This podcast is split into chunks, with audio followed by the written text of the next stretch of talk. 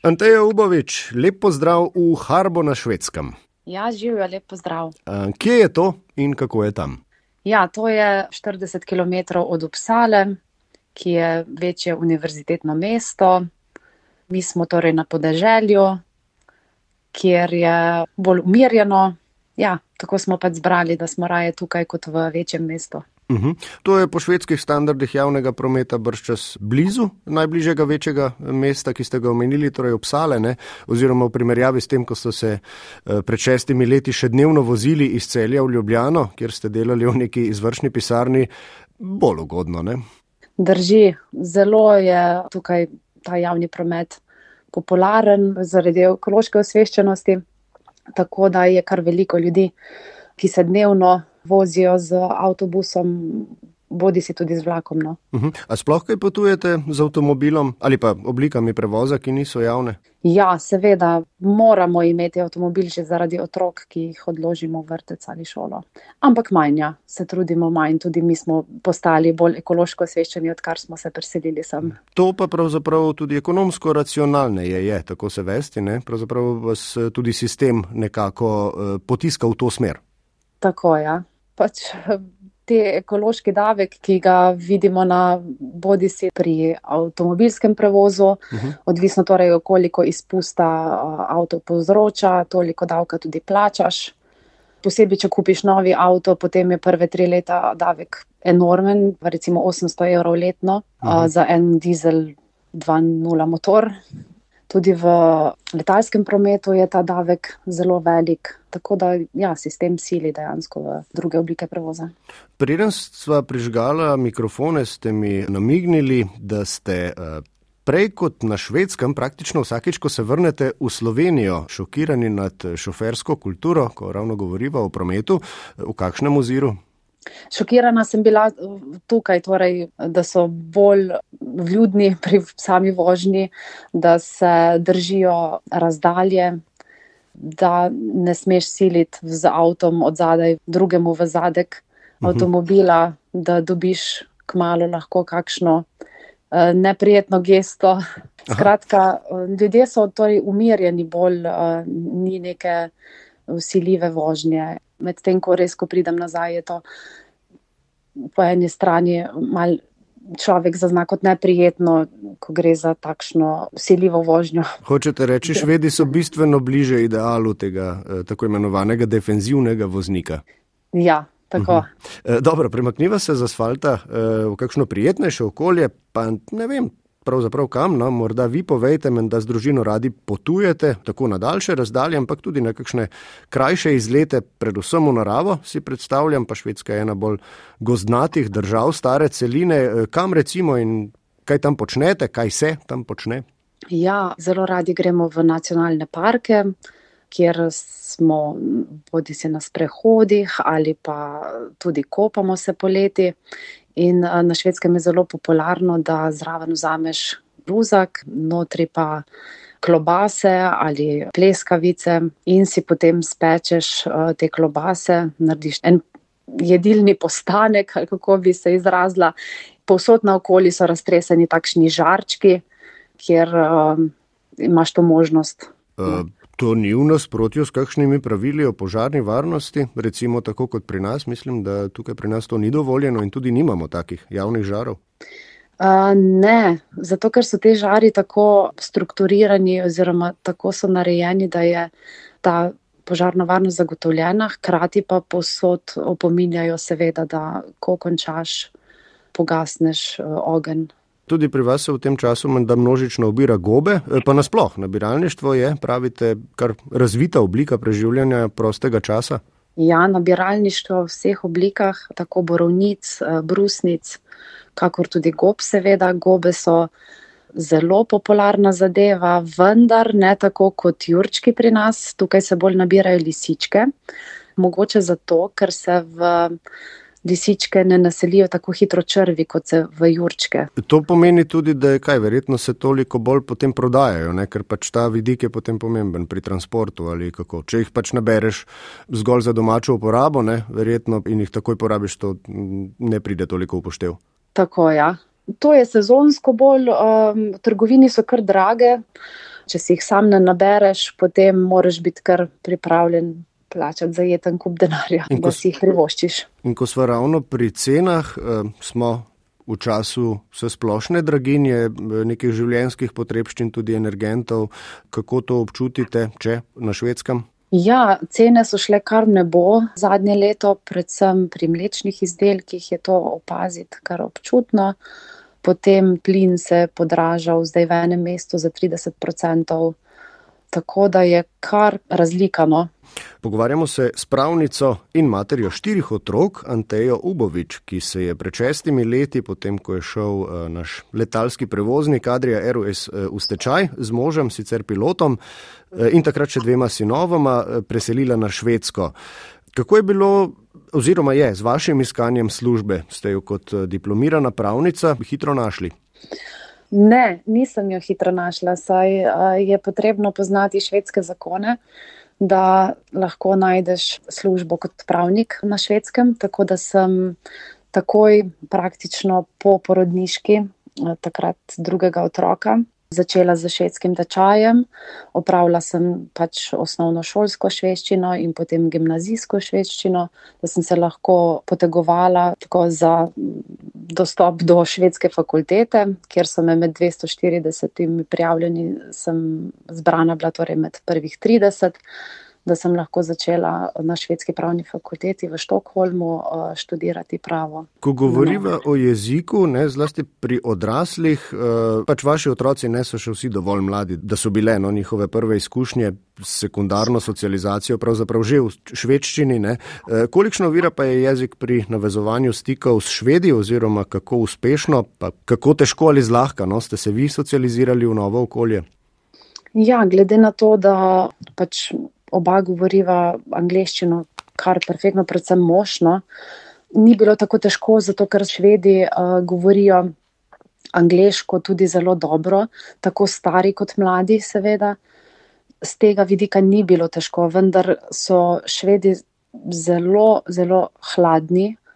In mogoče po tej strani ne, je bilo uh, težko navezati stike z domačini. Uhum, kako ste to reševali, kako ste se lotili tega? Ja, jaz sem se včlanila v en knjižni klub, kjer so sami švedi.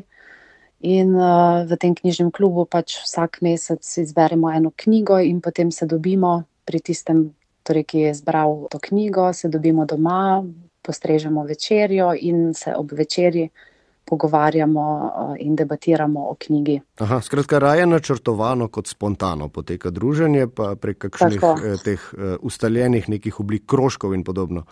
Tako, ja. uh -huh. Mimo grede, menda o za švede značilni socialni zadržanosti ne kroži tudi neka šala, ki lepo opisuje kolektivno izkušnjo z epidemijo koronavirusa in preventivnimi ukrepi, zlasti s tako imenovanim socialnim distanciranjem, pa ni, hvala Bogu za korono, da smo lahko narazen, kako že.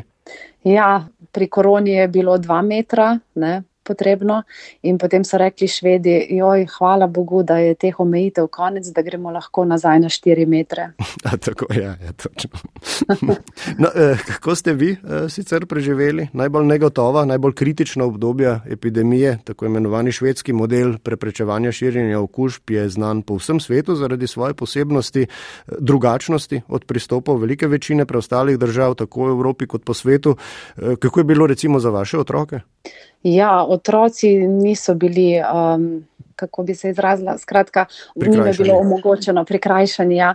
Torej, uh, niso bili prikrajšani nobenega socialnega vidika ali kakorkoli drugače, vse je bilo čisto normalno, hodili so v vrtec, v šolo, glede njih ni bilo nobenih težav. Tudi pri nas, starejših, je bilo čisto vse normalno. Naj z možem je najbolj bolelo to, da nisva mogla iti na švedski bufe, ki ga imamo tako zelo rada, ampak je bilo vse pač a la carte. To je za poslušalce, na kratko. Oblika uh, bufeja, ki ni ruski, ampak. Švedska miza, pač to pomeni, da je pač hrana pripravljena in si jo vzameš. Vidva pa očitno rada poskušata. Tako, medva sva zelo velika gurmana in rada poskušamo vse hrane tega sveta. Mm, kakšen namik, če bomo kdaj šli na švedsko? Ja, um, Poleg mesnih kroglic, ker to vedno povemo. Ja, kakšne tortice, mandljeve, seveda losos je popularen na vse načine, seveda raki tudi, kozice, škampi, potem uh, jastogine. Uh mhm. -huh. Dobro, to je že kar nekaj namigov. Se pravi, moramo eh, na način švedskega bifeja. Ne? Tako.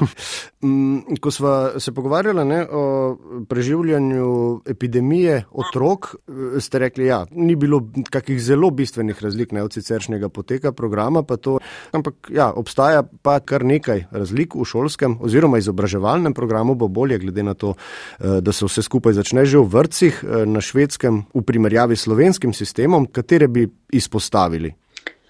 Izpostavila bi to, da do četrtega razreda ni nobenih nalog. Domačih. Um, domačih nalog ni. Wow. To je zelo fajn. Ja, zveni sansko. Za obe strani, tako za otroke kot za nas. ja. Potem uh, ni nobenih torb težkih, ki bi jih mogli otroci prenašati vsakodnevno, delovnih zvezkov ali kaj podobnega. Za vse, kar uporabljamo torbo, je to, da spakiramo kratke hlače ali majico, pač nekaj za preoblečiti za telovadbo. To je ena od razlik, ki bi jo mogoče podarila in se mi je zdela zelo fascinantna, ker moja mama je učiteljica prvega razreda v Sloveniji in se je kar čudila, ali je to sploh mogoče, da je to tako. Ja. Ja, druga zadeva je pa, da so zelo v teku z to današnjo tehnologijo, uporabljajo dosti iPade. Torej, že otroci do desetega leta že v, praktično že v vrtu uh, uporabljajo iPade, ampak to je mogoče v vrtu enkrat tedensko, medtem ko v šoli malo več. Aha, ampak še vedno kontrolirano in kot del učnega kurikuluma procesa. Seveda, ja, to so aplikacije, na katerih imajo različne snovi, od matematike, angleščine do plesa celo in potem. Uh, delajo na teh iPadih, rešujejo razne naloge. Um, ni pa to videti tako, da bi vsak svetil svojim telefonom. Ne, ni tako. Ja, mogoče je še za izpostaviti to, da imajo zelo zanimivo učno snov, da gledajo kakšne filmčke in potem uh, govorijo o tej snovi. Primer zadnjič je bil v Luru, učna snov in so v glavnem o tem Uluruju govorili takšne stvari, ki jih recimo jaz nisem poznala, pa dosti poznam in smo tudi prepotovali Avstralijo, vendar uh, je najstarejši svet povedal uh, takšne stvari zanimive o Uluruju, ki jih jaz nisem vedela, no, da so me kar presenetile. Z možem uh, še vedno nista švedska državljana, ste mi izdali, vendar ste tam že šest let, je to čudno. Ja, po eni strani je, po drugi strani je pa pač eh, takšen pogoj, da je potrebno imeti stalno prebivališče pet let uh mhm. -huh. in šele takrat lahko zaprosiš. Ampak zanka je v tem, da ko po petih letih zaprosiš, še vedno čakaš kar dolgo na odločbo o državljanstvu. Ti, dolgo uh, pomeni sistemne... mesece. Ja, uh -huh. to mhm. je več kot dve leti. Lahko, hm. Tako da je to kar en dolgotrajen proces, z katerega, če pač imaš malo pravnega znanja, ga lahko malo pohitriš. Oziroma, Aha, in vi ga imate. Tako, ja, tako da bomo najbrž prej dobili, kot pa recimo drugi. Ampak v vsakem primeru je kar dolgotrajen proces in uh, se mi zdi, da bi lahko Švedska več naredila na tem, pač za tiste, ki izpolnjujejo pogoje, da bi lahko dobili prej. Je res, ampak imam občutek, da v zadnjem času pa ne, politična volja za sprejemanje tujcev pojema oziroma da se zaostrujejo ti pogoji za eh, imigracijo. Ne? Ja, Švedska je bila zelo liberalna država, no se jaz mislim, da je. Še vedno, ampak uh, je ta desna struja dobila zelo veliko moč, ker so enostavno ljudje mogoče že naveličani tega sistema, mogoče tega zdravstvenega slabega sistema in tako naprej, tako da so zdaj skrajni desničari ali nacisti, kot jim jaz pravim, dobili kar drugo mesto v parlamentu in bodo zdaj tudi oblikovali vlado. Uh -huh. A, vidite kakršen koli možen razlog za unovično preselitev kam drugam v bližnji do srednje bližnji prihodnosti, recimo, ali nameravate ostati na švedskem? Tega ne sprašujem toliko v strahu pred usponom skrajne desnice, ki ga omenjate, ampak je res kar klasično zadnje vprašanje v naši oddaji ponavadi. Ne, V bistvu, če se bova priselila, se bova nazaj v Slovenijo, medtem ko kam drugam, sigurno ne, ker je to kar en dolgotrajen proces, ki si ga ne želim ponavljati še v eni novi, drugi državi z novim jezikom. Mhm, vse od začetka. Ne? Tako. Anteja Ubovič, najlepša hvala, da ste si iz svojega urnika utrgali košček za sodelovanje v naši oddaji in sploh glede na to, da je starševstvo štirim otrokom res služba s polnim delovnikom, pa tudi, tudi ti novi pristopi s šesturnim ne, ne pridejo nič upoštev. Eh, vse dobro vam želimo. Hvala. Hvala vam. Lep pozdrav Slovenija.